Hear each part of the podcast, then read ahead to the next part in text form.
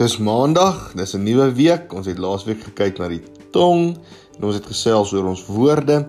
Hierdie week gaan ons bietjie verder en ons gaan verder in Jakobus rond rondkrap en ons kyk bietjie na Suid-Afrikaanse woorde. Nou ek weet nie of julle hierdie woord ken, my broer, kom ons leef in vrede. Toe ons op universiteit was, het ons 'n paar keer gaan uithelp by die Twee Toring Kerk. Nou dit is die die Towers of Hope en dit is die Twee Toring Kerk in die middel van Bloemfontein en so het dit 'n baken van hoop geword waar hulle vir straatmense kos gee en hulle help om om om hulle vaardighede op te skerp en hulle regte kan kry om so op werk toe te kan gaan. Ek sal dit nooit vergeet die eerste keer wat ons daar is nie. Nou kom ons almal die woensdagmiddag in die kerkie bymekaar en ons staan in 'n sirkel. Ons gaan nou nagmaal saam saam saam geniet saam met die saam met die straatmense. En so is ons so gespasieer en en ons gooi die druiwesap in die in die kelkies in en toe's daar net een brood.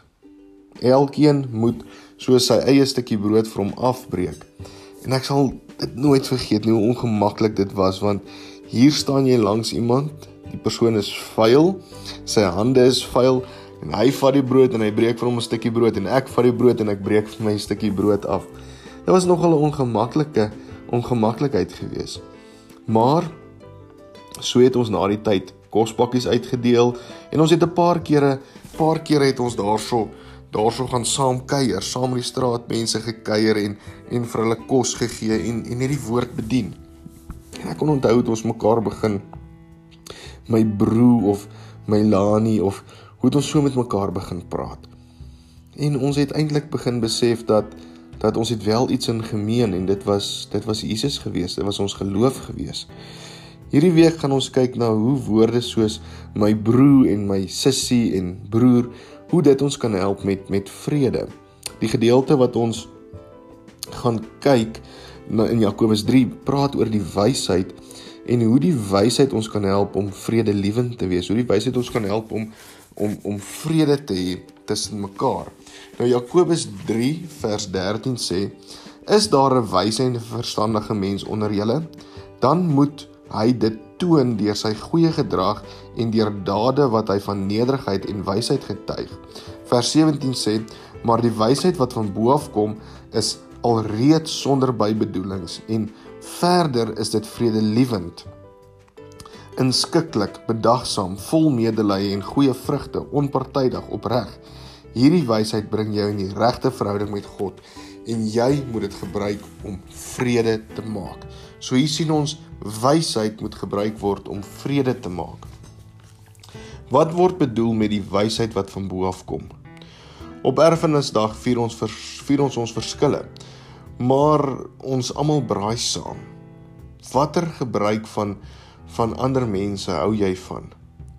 Hoe kan jy meer vrede in vrede lewe wat met in vrede lewe met mense wat met jou verskil of wat anderster lyk like as jy.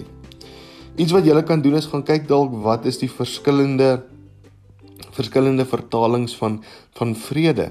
Ons is hier in 'n Sotho gebied en in Sotho beteken vrede Godso.